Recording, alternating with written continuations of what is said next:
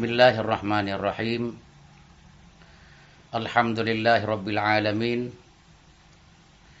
Wassalatu wassalamu ala asyrafil anbiya'i wal mursalin. Sayyidina Muhammad wa ala alihi wa sahbihi ajma'in amma ba'du. Para hadirin dan hadirat, as-saimun was-saimat di mana saja berada, Nasabbah alaikum. Assalamualaikum warahmatullahi wabarakatuh.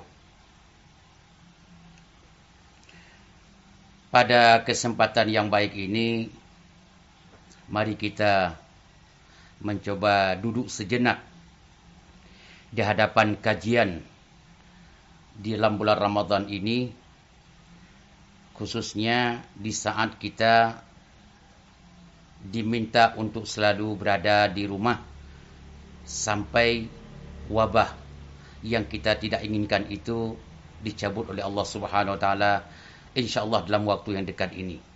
Allahumma amin. Pemirsa dan para hadirin as-saimin was-saimat.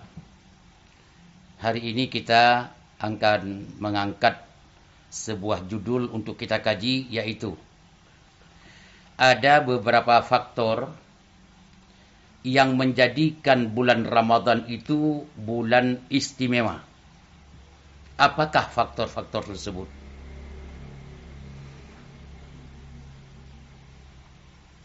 Salah satunya faktornya adalah sangat terikat bulan Ramadan ini dengan kitab suci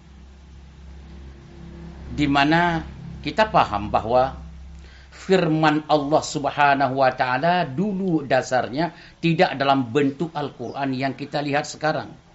Tidak dalam bentuk Al-Qur'an yang kita pegang sekarang. Tetapi firman Allah itu termaktub di Lauh Mahfuz. Sebelum Al-Quran itu diturunkan oleh Jibril kepada Nabi Muhammad, Quran itu ada di Loh Mahfuz. Pertanyaannya, perpindahan Al-Quran dari Loh Mahfuz kepada Nabi Muhammad, apakah langsung? Jawabannya tidak. Terus bagaimana? Allah subhanahu wa ta'ala Quran firman Allah itu dalam di loh mahfud itu diturunkan dulu ke tahap pertama yaitu namanya sama'id dunya. Mendekatkan ke proses penurunan selanjutnya kepada Nabi Muhammad. Itu sama'id dunya. Perpindahan Al-Quran dalam dari loh mahfud ke sama'id dunia sebelum diturunkan kepada Nabi Muhammad sallallahu alaihi wasallam.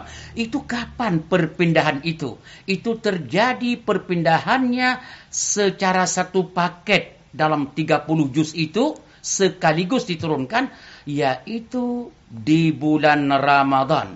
Makanya kalau kita baca Al-Qur'an surat Al-Baqarah ayat 185 umpamanya, A'udzubillahi minasyaitonirrajim, Syahrul Ramadan alladzi unzila fihil Quran. Bulan Ramadan itu bulan diturunnya diturunkannya Al-Quran. Jadi maknanya itu penurunan, yaitu pemindahan firman Allah dari Loh Mahfuz ke Sama'id Dunia itu sebelum yang setelahnya baru diturunkan kepada Nabi Muhammad. Jadi dua kali turun. Turun pertama dari Lauh Mahfud ke Sama'id Dunia. Dari Sama'id Dunia diambil oleh malaikat Jibril diturunkan kepada Nabi Muhammad sallallahu alaihi wasallam. Dari Lauh Mahfud ke Sama'id Dunia prosesnya khusus dalam bulan Ramadan. Sudah. Kemudian makanya dalam Fathul Bari syarah uh, Sahih Bukhari Ibnu Abbas menyebutkan anzalal uh, au unzilal Quran jumlatan wahidah ila sama'id dunya fi lailatul qadar. Jadi dari uh, Al-Qur'an secara satu paket itu diturunkan ke sama'id dunia itu di bulan Ramadan yaitu Lailatul Qadar. Makanya itu salah satu proses dan salah satu faktor yang menyebabkan bulan Ramadan itu terhormat dan bulan agung. Bulan istimewa. Jawabannya karena proses pemindahan Al-Quran dari Loh Mahfud ke Sama'id Dunia terjadi di bulan Ramadan. Tidak akan terjadi di bulan-bulan yang tidak mulia. Justru karena itu terjadilah bulan Ramadan itu bulan mulia. Karena Al-Quran yang mulia diturunkan di dalamnya itu. Di dalam bulan Ramadan uh, begini supaya kita bisa me, uh, uh, menglogikakan seorang ibu perempuan biasa sama dengan ibu-ibu yang lain.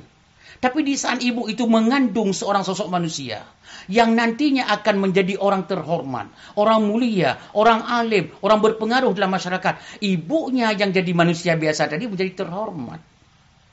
Maka saya katakan bulan Ramadan itu menjadi bulan istimewa salah satunya disebabkan Al-Quran diturunkan pada bulan Ramadan itu. Itu satu. Yang kedua, pertanyaannya dari loh dari e, sama dunia prosesnya kepada Nabi Muhammad itu diturunkan e, kapan? Jawabannya selama 20 e, e, dua tahun lebih kurang proses di penurunan itu dari Jibril kepada Nabi Muhammad sesuai dengan dengan kejadian au asbabun nuzul dan sebagainya. Oleh karena demikian, itu tidak melihat lagi bulan Ramadan, bulan Rajab, Syaban, tidak dilihat lagi. Selama proses uh, setiap saat turun terus Al-Quran selama 22 tahun. Berarti turunnya Al-Quran di bulan Ramadan bukan dari Jibril kepada Nabi Muhammad. Ini kesimpulannya. Tapi dari Loh Mahfud, per perpindahannya ke sama dunia sebelum diturunkan kepada Nabi Muhammad Sallallahu Alaihi Wasallam. Itu salah satu faktor. Faktor yang kedua, mulianya bulan Ramadan itu disebabkan oleh ini yang jarang kita mendengarnya bahwa kitab-kitab samawi itu kitab-kitab samawi, mana kitab samawi? Suhuf Nabi Ibrahim, Taurat, Injil, dan Quran dan yang lainnya, Zabur. Itu semuanya itu diturunkan di bulan Ramadan. Dari mana kita tahu? Kita coba mengkaji ada hadis riwayat Imam Ahmad bin Hanbal anna Rasulullah sallallahu alaihi wasallam qala anzalat suhuf Ibrahim fi awal Ramadan. Suhuf Nabi Ibrahim itu diturunkan di awal bulan Ramadan. Wa unzilat Taurat dan Taurat itu diturunkan juga tanggal 6 bulan Ramadan pada tahun itu. Injil diturunkan tanggal 13 bulan Ramadan. Quran diturunkan dalam riwayat Ahmad ini 24 bulan Ramadan. Ini riwayat Ahmad.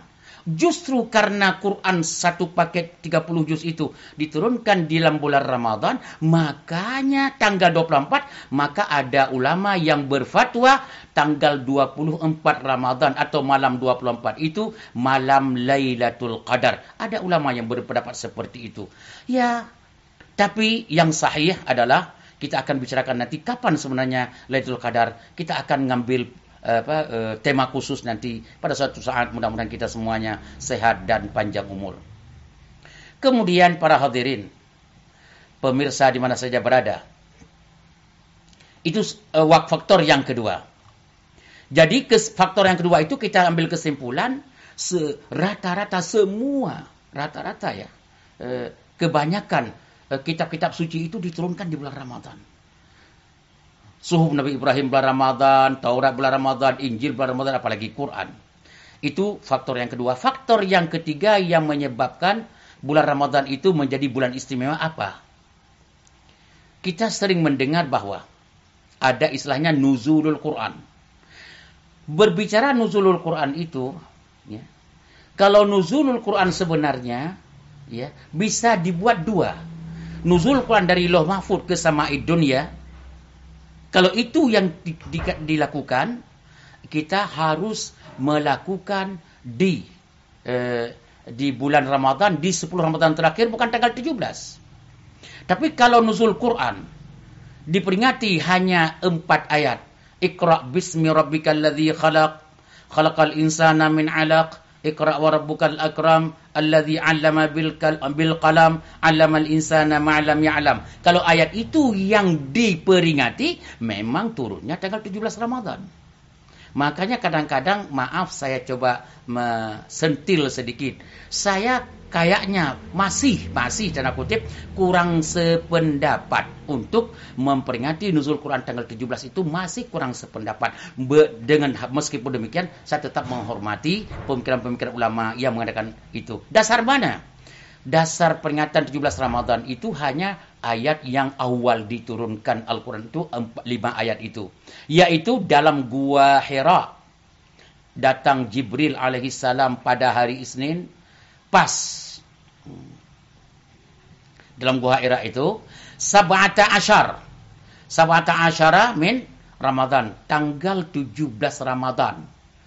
Nabi Muhammad pada saat itu umurnya 40 tahun.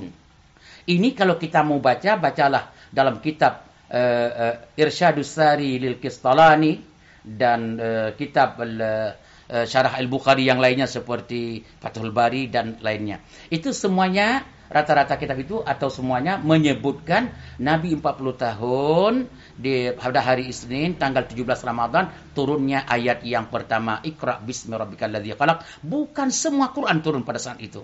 Kalau mau memperingati nuzulkan semuanya tidak cocok untuk tanggal 17 yang cocoknya adalah tanggal 10 Ramadan terakhir. Kalau riwayat Imam Ahmad itu yang cocoknya adalah tanggal malam 24 Ramadan.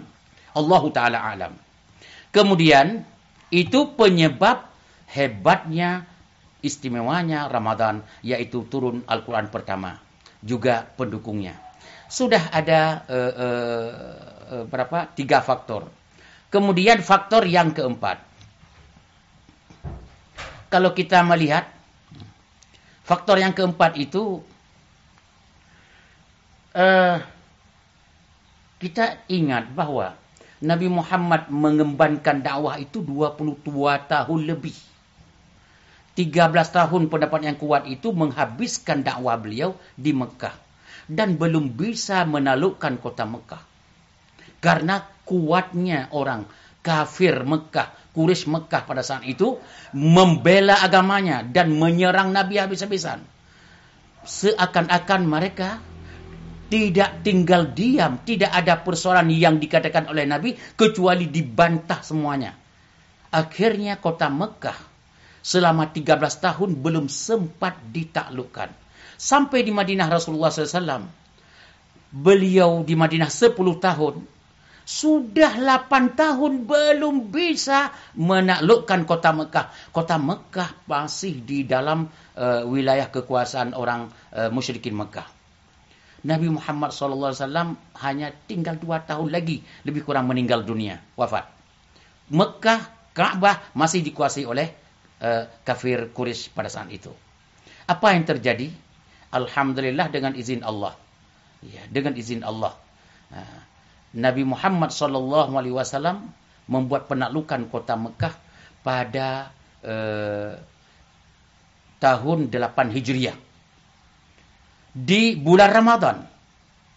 Makanya kalau kita buka kitab Dalailun Nubuwah li Imam Al-Baihaqi, Baihaqi, Dalailun Nubuwah li Imam uh, Baihaqi, kita akan dapat kalimat begini, lebih kurang.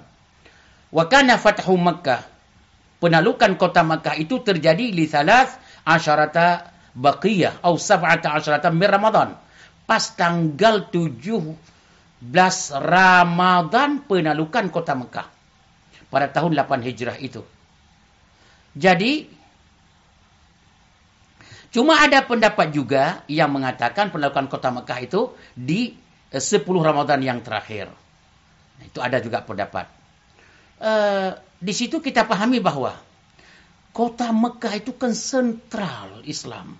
Sentral bangkitnya Islam. Nabi Muhammad dari situ. Kita umat Islam dunia menghadap ke Ka'bah pada akhir zaman. Pada saat ini dan dari pem, saat pemindahan kiblat dari Baitul Maqdis ke Masjidil Haram ke Mekah sampai sekarang kita masih menghadap itu. Kalau begitu posisi kota Mekah bukan sembarang kota, kota nomor satu dalam Islam itu. Tentunya dengan setelah itu Madinah. Jawabannya, jawabannya kota yang mulia dibebaskan oleh Allah dari uh, jajahan orang kafir itu pada bulan Ramadan. Nah, dengan pembebasan kota Mekah di bulan Ramadan, itu pun mendukung sekali bahwa bulan Ramadan itu betul-betul bulan suci dan bulan istimewa luar biasa. Allahu Akbar. Dan Alhamdulillah, saya singgung sedikit. Kota Mekah, ingat yang ada sekarang. Katanya kosong dari jamaah. Itu bukan kosong dari jamaah. Itu adalah ada sebab. Biasa seperti itu. Malah Nabi Muhammad SAW tidak selalu menjadi imam di di Madinah. Meskipun kota Madinah kota hebat. Terus siapa imam Rasulullah di Madinah itu di saat Rasulullah keluar ada orang lain yang mengertikannya. Juga begitu kota Mekah, kota-kota Mekah dalam kondisi sekarang itu adalah menjaga keselamatan umat lebih penting daripada sebuah ibadah itu adalah tidak bisa kita diskusikan dan kita bisa tidak bisa kita bantah dan wajib kita terima menyelamatkan jiwa dari kehancuran lebih penting dari ibadah itu sendiri. Dari mana kita tahu? Banyak hadis yang telah disampaikan oleh ulama-ulama lewat media sosial, lewat kitab, lewat buku, lewat makalah, lewat seminar. Itu nggak usah diulang lagi. Eh, tahsil hasil artinya mengulang yang sesuatu yang tidak perlu diulang lagi. Coba ingat. Kemudian berbicara dengan kota Mekah sedikit, kita lihat bahwa saya ingat ya di saat Nabi Muhammad dizalimi oleh kafir Quraisy Mekah sebelum beliau pindah ke ke Madinah, sebelum hijrah ke Madinah. Bagaimana dahsyatnya orang kafir Quraisy itu Orang kafir Quraisy itu bagaimana menzalimi Nabi. Bagaimana terjadi pembantaian yang tidak peri kemanusiaan terhadap umat Islam. Bukan jahat umat Islam itu. Cuma hanya berpindah agama. Dari agama jahiliyah menjadi masuk Islam. Tapi orang Quraisy nggak mau menerima. Padahal tidak ada kezaliman yang dilakukan oleh Nabi. Saking jahatnya kafir Quraisy Mekah itu. Pembantaian luar biasa. Kita nggak usah bicarakan di sini seperti Sumayyah. Seperti uh, uh, Yasir Al-Angsi dan anaknya. Bagaimana pembinaan besar-besaran. Begitu juga perlawanan yang dilakukan. Kezaliman sangat-sangat luar biasa terhadap Islam dan terhadap Rasulullah Sallallahu Alaihi Wasallam. Tapi bagaimana respon Nabi saat perlukan kota Mekah? Saya coba uh, kemukakan sedikit di sini mungkin satu menit. Rasulullah meskipun begitu tidak ada istilah dendam. Di saat Rasulullah masuk ke kota Mekah, sudah membuat penaklukan kota Mekah, sudah jatuh ke dalam umat Islam. Tiba-tiba Rasulullah masuk dalam masjid, melihat orang-orang Quraisy itu ajlasu bil Masjidil Haram duduk mereka di pojok-pojok Masjidil Haram karena Masjidil Haram sudah jatuh dikuasai oleh Rasulullah.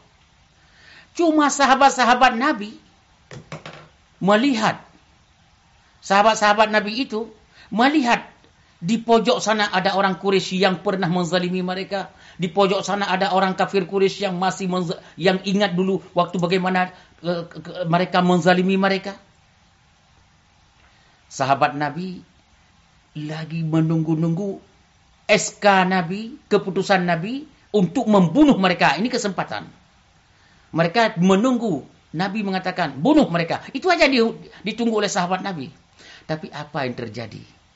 Nabi Muhammad melihat sahabat-sahabat menunggu itu dan melihat orang Quraisy kesempatan kalau kita bunuh seperti kita potong ayam nggak ada karena Mekah sudah jatuh dalam apa kekuasaan orang umat Islam apa kata Rasulullah? Hai, orang-orang Quraisy. Mata zunnun annani fa'ilum. Kira-kira hari ini kota Mekah sudah dalam kekuasaan kami. Kira-kira kalian yang pernah menzalimi kami, membunuh kami, membantai orang-orang kami, apa yang akan kami lakukan dalam bayanganmu itu? Itu pertanyaan Rasulullah kepada mereka. Jawaban orang-orang kafir Quraisy itu, khairan ya Rasulullah. Khairan ya Muhammad akhun karim wa ibnu akhin karim. tentunya kamu akan berbuat baik kepada kami, engkau saudara kami, engkau apa keponakan kami, uh, sepupu kami. Itu jawaban mereka berarti sudah takut banget. Padahal tinggal dibunuh saja mereka kalau melihat kekejaman mereka untuk terhadap umat Islam sebelumnya. Akhirnya apa kata Rasulullah? Saya ingat kalimat Nabi Yusuf alaihissalam, la tasriba alaikumul yaum tidak ada keganasan, tidak ada pembantaian kepada kalian. Meskipun kalian menzalimi saya bertubi-tubi, bertahun-tahun engkau zalimi saya dan sahabat saya. Tapi tetap saya tidak akan menzalimi kamu. Lihat Yusuf alaihissalam, bagaimana saudara-saudaranya membantai Yusuf, melempar dalam dalam dalam sumur dan macam-macam dilakukan dan dibohongin orang tuanya oleh saudara-saudara Yusuf. Tapi Nabi Yusuf tidak mengatakan la tasriba alaikumul yawm hari ini tidak ada pembalasan terhadap kezaliman yang pernah kamu lakukan. Karena begitu, ingat kalimat itu, saya katakan kepada kalian, wahai kafir Quraisy Mekah, idhabu wa antum tulaqa. Keluar dari Masjidil Haram, kamu bebas. Tidak ada akan kami sentuh darahmu setetes pun. Luar biasa. Allahu Akbar. Itulah Nabi Muhammad sallallahu alaihi wasallam. Itu yang uh, empat uh, poin yang kita ingin sampaikan. Uh, Cuma kalau mau melihat uh, uh, kebaikan Rasulullah juga, ini kita ngomong kebaikan, mudah-mudahan kita dalam bulan Ramadan ini dapat uh, uh, menambah keimanan kita untuk lebih baik masa depan dalam hidup kita. Lihat karena Nabi Muhammad sallallahu alaihi wasallam luar biasa. Makanya dalam Al-Qur'an disebutkan disebutkan wa kana bil mu'minina rahima. Nabi Muhammad itu kalau ketemu dengan orang-orang sesama mukmin sangat kasih sayang. Ya. Dengan orang kafir saja begitu muncul kasih sayang. mengedepankan kasih sayang apalagi dengan sesama beriman. Ada sebuah hadis yang uh, agak sedikit uh, uh, apa? aneh ya. Uh, diskusi antara sahabat Nabi uh, yang mungkin mungkin ya belum mengenal Nabi secara dekat dengan Rasulullah wasallam. Apa yang terjadi? Kita lihat di dalam riwayat Imam Bukhari. Anna rajulan ja'ahu fasa'alahu ayya'tiyahu syai'an. Ada seseorang datang kepada Nabi untuk meminta sesuatu untuk diberikan kepadanya oleh Nabi. Begitu diminta kepada Nabi sesuatu oleh laki-laki itu, Uh, kata Rasulullah, ma'indi syai'un. Maaf, saya tidak ada tidak ada yang sesuatu yang saya miliki yang saya berikan. Kalau istilah kita, saya nggak punya uang ya. Maaf. Lakin ibta alayya. Jadi kalau misalnya kamu bisa menjual sesuatu kepada saya, fa idza ja'ana syai'un itu nanti kalau ada sedikit rezeki, kalau ada sedikit rezeki, nanti dapat mudah rezeki, saya akan kasih uang kepada kamu. Kata Umar. Umar langsung nongol. Ya Rasulullah. Kad a'taituhu. Saya sudah sering berikan kepada dia ya Rasulullah. Fama kallafakallahu mala naqdir alaihi. Jangan sampai kita membebankan diri kita gara-gara orang ini. Wah, Umar mau dilawan. Oh, udah sering saya berikan. Ini orang yang minta-minta melulu. Jangan kita bebankan diri kita. Enggak usah ngasih. Kalau istilah kita, besar betawinya, kakak usah ngasih. Tiap hari saya kasih. Nah, kata-kata Umar itu melihat hadis ini riwayat Imam Tirmizi Rasulullah melihatnya kurang berkenan bahasa Umar itu. Agak tanda kutip kasar. Makanya fakariha Rasulullah kaula Umar. Rasulullah tidak berkenan. Fakala rajulun al ansari ada temannya orang itu dibuat temannya. Katanya ya Rasulullah damai-damai sajalah amfiq wala takhsha min dil arshi iqlalan Tolong berikanlah kepada orang yang butuhkan. Jangan takut miskin. Tuhan kaya kok. Itu temannya, teman orang itu yang mengatakan. Di situ apakah Rasulullah marah? Merasa digurui oleh orang itu? Allah. sama farhan. Ketawa, senyum Rasulullah. Karena bahagia. Apa? Biqaulil ansari. Dengan kata-kata ansari. Apanya yang bahagianya? Ansari itu percaya dan beriman kepada Allah bahwa Allah itu gudangnya uh, uh, harta, gudangnya uh, kekuasaan dan rezeki dari Allah tidak akan habis. Itu yang bahagia Rasulullah senyum. Uh, di sini kita pahami singkat bahwa Rasulullah luar biasa. luar biasa rahmatnya. Uh, itu ya. Kemudian uh, kita juga uh, tahu bahwa uh, sebagai uh, penutup kira-kira dua menit lagi ya kita akan tutup dengan pertanyaan-pertanyaan uh, sebelum kita berdoa. Coba lihat kemuliaan keagungan Ramadan juga disebabkan oleh Nabi Muhammad sallallahu alaihi wasallam pada akhir Ramadan untuk beliau sebelum wafat didatangi oleh Jibril alaihi salam dan beliau diajarkan Al-Qur'an, didengarkan Al-Qur'an yang dibaca oleh Nabi, diperdengarkan kepada Nabi Al-Qur'an 30 juz itu dua kali. Itu Ramadan Ramadan terakhir untuk Rasulullah supaya Rasulullah bisa mewarisi Al-Quran yang didapat ilmu dari Nabi dari Jibril alaihissalam. Kalau begitu Al-Quran itu kita yakini tidak ada sedikit pun salah karena tidak hanya turun-turun-turun saja, tapi di akhir hayatnya Rasulullah SAW Jibril langsung yang mengumpulkan, yang mengujinya, yang menyampaikan kebenarannya kepada Nabi Muhammad selama dua kali khatam. Luar biasa. Luar biasa. Masya Allah. Nah, pada akhir Ramadan, di mana setelah itu Rasulullah wafat dan meninggal dunia. Di situlah. Itu terjadi apa? Di bulan Ramadan. Kalau begitu, pemantapan Jibril tentang keabsahan Al-Quran yang diturunkan kepada Rasulullah terjadi di bulan Ramadan. Di situ membuat bulan Ramadan itu bulan luar biasa dan bulan begitu istimewa. Sebagai penutup yang terakhir, di samping itu adalah Lailatul Qadar pun tidak ada di bulan-bulan yang lain kecuali di bulan Ramadan dan di bulan Ramadan sekali lagi dan di bulan Ramadan.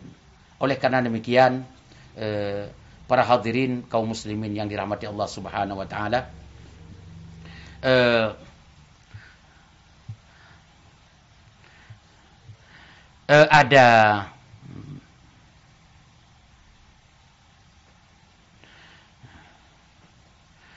yang apa ada pertanyaan ya, yang disampaikan eh, oleh eh, salah seorang pemirsa ini tentang Lailatul Qadar.